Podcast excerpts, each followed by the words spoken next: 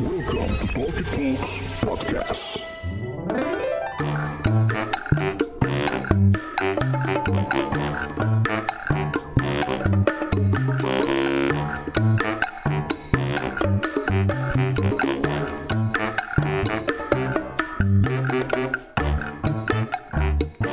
Assalamualaikum warahmatullahi wabarakatuh. Selamat datang kembali di Talkie Talks Podcast. Dan lo sedang mendengarkan program Kosan Kumpul Opini Santai Season 5 episode perdana Di tahun yang baru ini. Biasanya gue tapping barengan sama di regular club Tapi kali ini gue sendiri. Kenapa gue sendiri?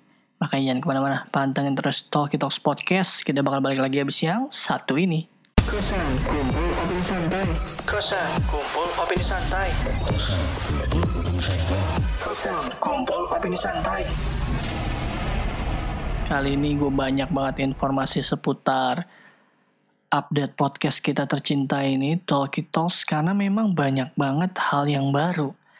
Dari mulai kalau lo udah dengerin podcast kita sejak 2 tahun lalu biasanya format kita berempat. Ada gue, ada Mas Egi, ada Mas Febri, ada Mbak Dila. Tapi buat season 5 kali ini kayaknya kita bakal bertiga aja. Itu pun mungkin. Karena memang jadwalnya yang udah tidak memungkinkan. Um, yang bisa dipastikan cuman satu nih. Di season kelima kali ini kayaknya kita bakal tapping tanpa Mas Egi. Kenapa Mas Egi nggak ada nih? Padahal kan setiap episode di setiap seasonnya Mas Egi itu selalu barang jualan kita. Mas Egi itu sosok berkarisma yang digila-gilai wanita. Tapi untuk tahun ini karena Mas Egi ini sibuk mencari uang sebanyak-banyaknya. Jadi kayaknya kita Talkie Talks nih bakal bertiga aja. Itu pun kalau jadwalnya ketemu.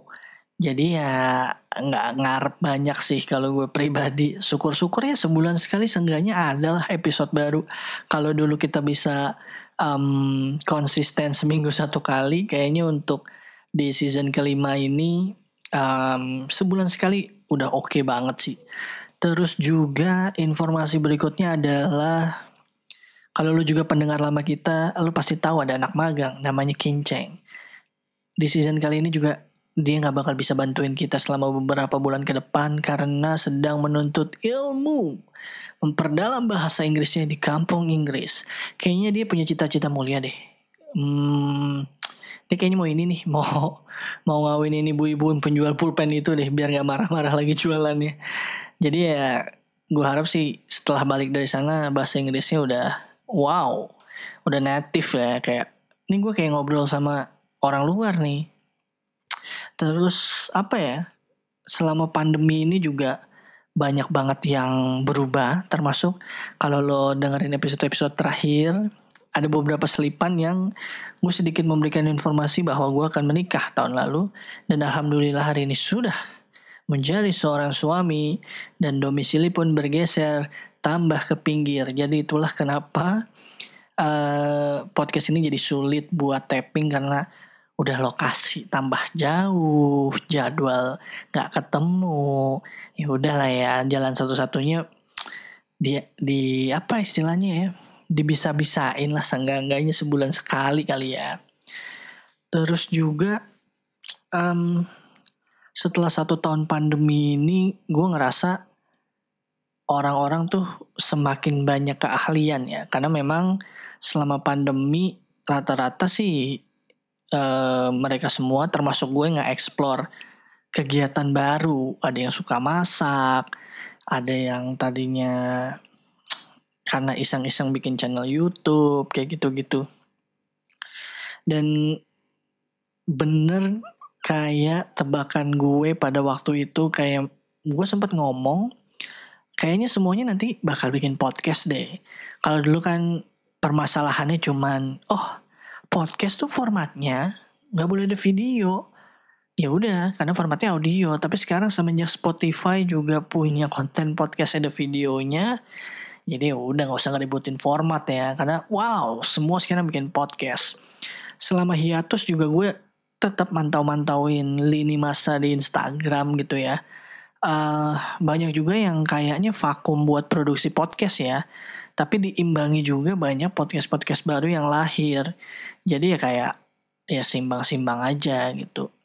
Terus kayaknya juga kalau gue lihat-lihat di lini masa Instagram, podcast-podcast yang seangkatan sama Talkie Talks nih kayak wah udah jadi pembicara ini, pembicara itu. Kita sih gini-gini aja nih masih ngeributin soal hidup, masih ngeributin soal kapan pandemi berakhir, masih pusing cari pasangan.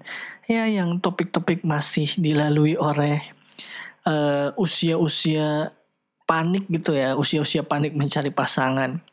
Sebenarnya ada satu topik yang menarik mau dibahas, tapi kayaknya nanti aja deh kalau udah full format nih kita bakal bahas berkaitan sama permasalahan yang dialami oleh Mas Febri. Jadi kayaknya untuk episode perdana kali ini gue cuma mau ngomongin dan nge-recap apa sih yang terjadi sama podcast Tete ini selama hampir kurang lebih satu tahun. Terus juga gue ngeliat apa ya yang lagi happening sekarang-sekarang ini. Oh iya, selama pandemi, nggak selama pandemi sih mungkin enam bulan terakhir orang mulai menjadi investor-investor, mulai jadi orang-orang yang bermain saham, semua menjadi investor di berbagai perusahaan gitu kan kayak lo pasti ada di satu momen atau seenggaknya ada salah satu teman lo yang update portfolio sahamnya di Instastory. Itu tuh udah kayak umum ya sekarang ya semua orang ngomongin saham. Terus um, kalau sebelumnya gue selalu ngomongin uh, logam mulia, ah logam mulia sekarang lagi turun, main saham lah gini gini gini. Wow, kalau gue sih termasuk orang yang konservatif ya, jadi kayak ya udahlah main di logam mulia aja gitu toh. Um, bukan keperluannya untuk cari cuan sih gue main di logam mulia supaya um, uang gue nggak tergerus sama uh, inflasi gitu. Jadi kayak tetap nilainya mengikuti harga lah ya. Walaupun emang sekarang kayaknya emas sendiri juga uh, pergerakannya cukup memprihatinkan ya. Nggak ada tuh naik naik lagi. Kadang-kadang naik sedikit turun naik lagi turun. Jadi ya kalau gue nggak yang terlalu panik karena bukan niatan gue cari cuan di emas gitu sih kalau gue. Gila nih topik pembahasannya udah kayak podcast pialang saham. Terus juga yang lagi rame apa ya? Oh kalau yang receh-receh adalah keributan soal tren sosial media yang bercandaan apa istilahnya?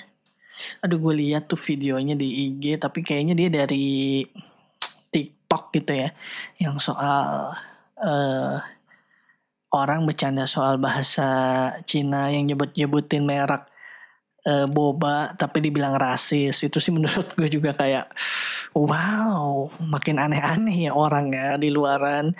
Atau memang tekanan pandemi ini bikin orang kayak lebih sensitif gitu. Jadi ya gue nggak ngerti sih. Kayaknya tambah ke sini ngomong harus tambah hati-hati. Karena kita nggak tahu mana orang yang tersinggung gitu.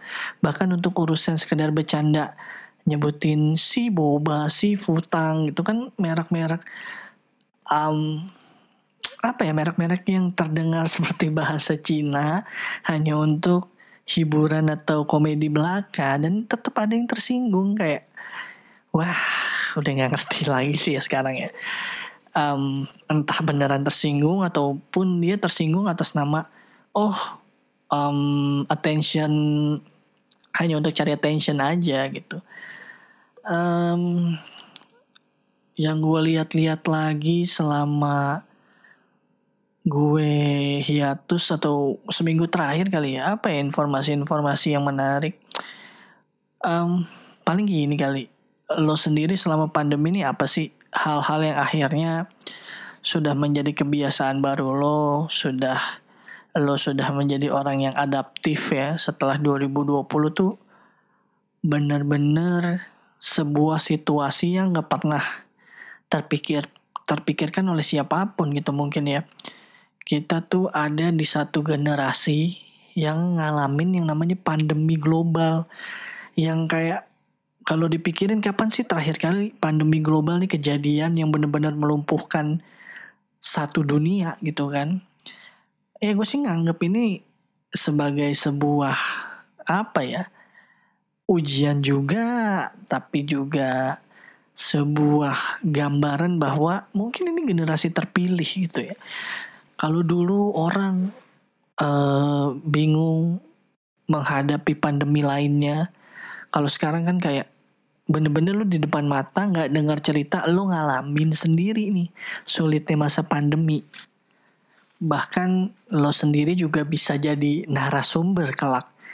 20 atau 30 tahun lagi lo bakal bercerita soal dulu ada satu zaman di mana kita semua tuh kena pandemi global namanya corona lu bisa nyeritain itu ke anak cucu lo mungkin ya kayak kayak lo dengerin kakek lo cerita soal zaman penjajahan kayak lo dengerin um, kakek lo cerita zaman PKI mungkin. Jadi lo tuh ada di generasi yang punya cerita yang bisa diamini sama semua orang di satu generasi lo gitu ya.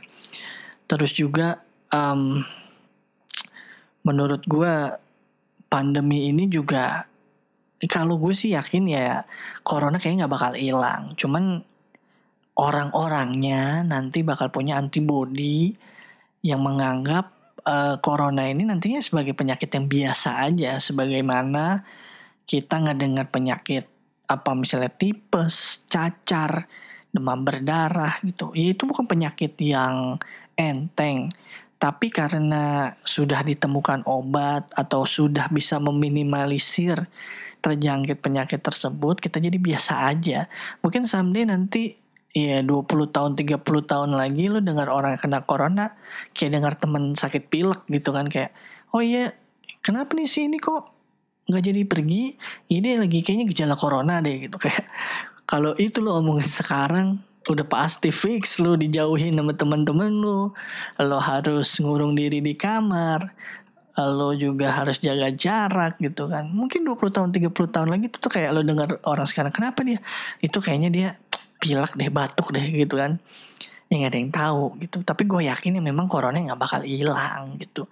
Cuman yang gue berharap mudah-mudahan cepat ditemuin deh nih vaksin yang bener-bener solid, yang bener-bener apa ya ampuh lah istilahnya. Walaupun memang uh, gue tahu butuh waktu gitu dan uh, beberapa bulan kemarin atau bahkan ya dua bulan inilah kan rame soal orang-orang yang ada orang yang pro terhadap vaksin, ada juga orang yang menolak untuk divaksin. Kalau gue pribadi gitu ya, um, gue sih ada di titik lebih kepada ya udah nih biar cepet beres biar semuanya sehat. Kalau gue sih gitu ya.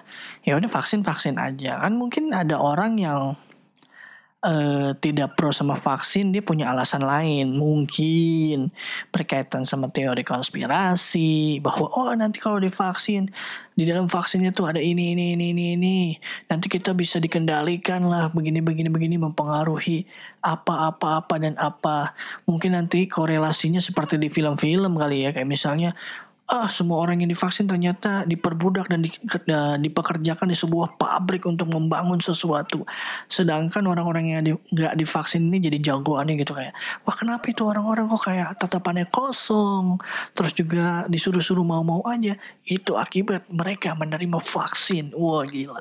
Kayak film-film ini after apocalypse gitu ya yang kayak apa tuh film-film yang mobilnya karat-karatan gitu aduh gue lupa lagi namanya ya itulah gitu kayak ada di dua sudut dunia yang berbeda gitu.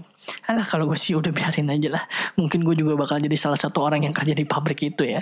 Karena gue berprinsip ya yang penting demi kebaikan semua orang gitu. Gue nggak menemukan alasan lain bahwa ya terlepas bahwa mereka benar nantinya gue gak tahu juga bahwa uh, apa yang gue pilih sekarang mungkin juga salah. Itu gue juga nggak tahu. Tapi gue cuman minta sekarang tuh jalan terbaiknya apa? Oh jalan terbaiknya kita harus divaksin. Ya udah vaksin kalau gue gitu ya. Terus juga gue baru dapat informasi uh, apa namanya harga-harga vaksin mandiri udah rilis ya udah keluar gitu dan harganya cukup variatif karena memang ya nggak tahu ya apa yang mempengaruhi ya ini bersumber dari akurat.co gitu ya. Harga-harga vaksin tuh range-nya dari mulai 57.000 sampai dengan 2 juta 150 eh 2 juta 150 ribu harga vaksin. Jadi ini ada 1, 2, 3, 4, 5, ada 6 jenis vaksin ya yang ada di Indonesia sampai gue bacain ini gitu. Ada AstraZeneca, ada Sinovac, ada Bio Farma, ada Pfizer, ada Moderna, dan yang paling mahal Sinopharm. Sinopharm itu di 2 juta 150 ribu untuk dua kali suntik. Itu juga ada penjelasannya gitu ya. Terus kalau yang sering rame diomongin tuh kan kalau salah Sinovac ya. Sinovac itu kalau lo mau vaksin mandiri tuh harga per dosisnya 200 ribu gitu. Jadi ya ini tinggal lo pilih aja sih mana yang sesuai. Dan tentunya kalau lo nanya lo harga itu mempengaruhi apa? Mempengaruhi tingkat efektivitasnya deh kayaknya. Misalnya gini ya. Um, ini si Pfizer gue baca ini dikit nih. 283 ribu per dosis. Efektivitas 95% saat uji klinis terakhir. Disimpan di suhu minus 70 sampai 80 derajat Celcius. Dan yang ketiga, Inggris negara pertama yang menggunakannya. Untuk yang paling mahal nih sih di harga 2 juta tadi ya Sinopharm ini itu untuk dua kali suntik jadi per suntiknya mungkin 1 juta sekian yang pertama, sementara tidak ada efek samping serius. Poin yang kedua, proses uji klinis tahap ketiga di Uni Emirat Arab. Dan yang ketiga adalah telah melewati uji klinis tahap tiga di Brazil. Jadi mungkin ini yang lebih lebih apa ya, lebih jauh lagi lah si penelitiannya dan mungkin berpengaruh sama tingkat akurasinya. Ya kalau gue sih udah pasti yang murah-murah aja ya. Ya paling enggak pakai mana yang orang-orang pakai lah. Kalau orang pakai Sinovac, lihat nggak ada efek samping ya udah. Karena memang masalah efek samping ini balik lagi ke daya tahan tubuh kita. Jadi masing-masing orang memang beda-beda. Gue lupa ya apa nama vaksinnya, tapi di daerah Eropa itu ada vaksin yang menyebabkan lansia-lansia akhirnya meninggal gitu. Karena mungkin ada efek samping dengan penyakit yang lain gitu. Jadi ternyata memang uh, jeleknya vaksin itu karena memang menurut gue diproses dengan kejar tayang gitu kan. Karena kan memang namanya vaksin harus melalui uji klinis yang berkali-kali untuk melihat bahwa si vaksin ini cocok dan tidak ada efek sampingnya gitu. Jadi ya gue berharap Indonesia dapat vaksin yang terbaik dan mudah-mudahan ya pandemi ini segera selesai lah ya.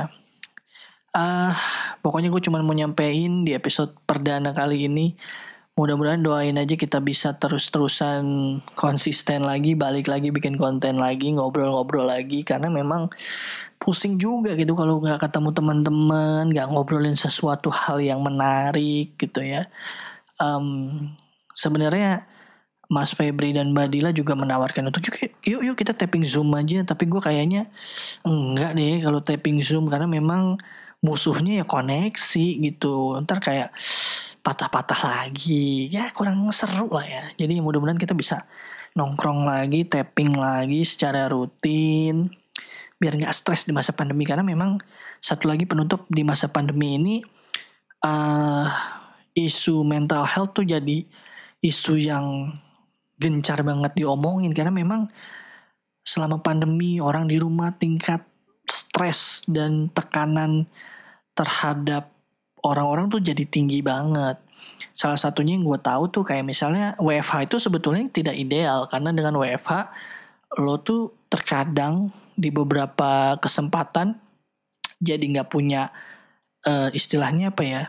Jadi nggak punya batasan mana waktu kerja, mana waktu istirahat. Jadi lo terus-terusan harus standby gitu. Dan itu yang bikin orang di rumah jadi stres gitu kan. Udah ketemunya dia lagi dia lagi gitu kan mungkin. Ditambah juga tekanan dari kantor. Terus juga dia jadi nggak bisa bedain mana waktu gue istirahat mana enggak. Karena kan kalau kita ke kantor jelas ketika kita pulang oh itu udah waktu istirahat. Perkara kita memilih untuk bekerja itu pilihan gitu kan. Tapi terkadang kalau WiFi ini jadi batasannya bias gitu nah itu yang bikin orang juga wow jadi stres ya mudah-mudahan eh cepet selesai lah ya si pandemi ini biar semua kembali normal, lancar semua muanya, bisa hahaha lagi, terus juga bisa pulih sedia kala lah ya. Um, kayaknya segitu aja yang bakal gue omongin di episode perdana ini. Sebetulnya ngomong segini aja gue udah canggung-canggung nih udah agak-agak belibet-belibet karena memang udah lama ke tapping gitu ya. Dan mudah-mudahan sih kita bisa tapping lagi di episode berikutnya. Sebelum sebelumnya gue mau ngucapin terima kasih buat lo yang udah mendengarkan. Sampai berjumpa di episode yang mendatang. Dah! Kosan kumpul opini santai.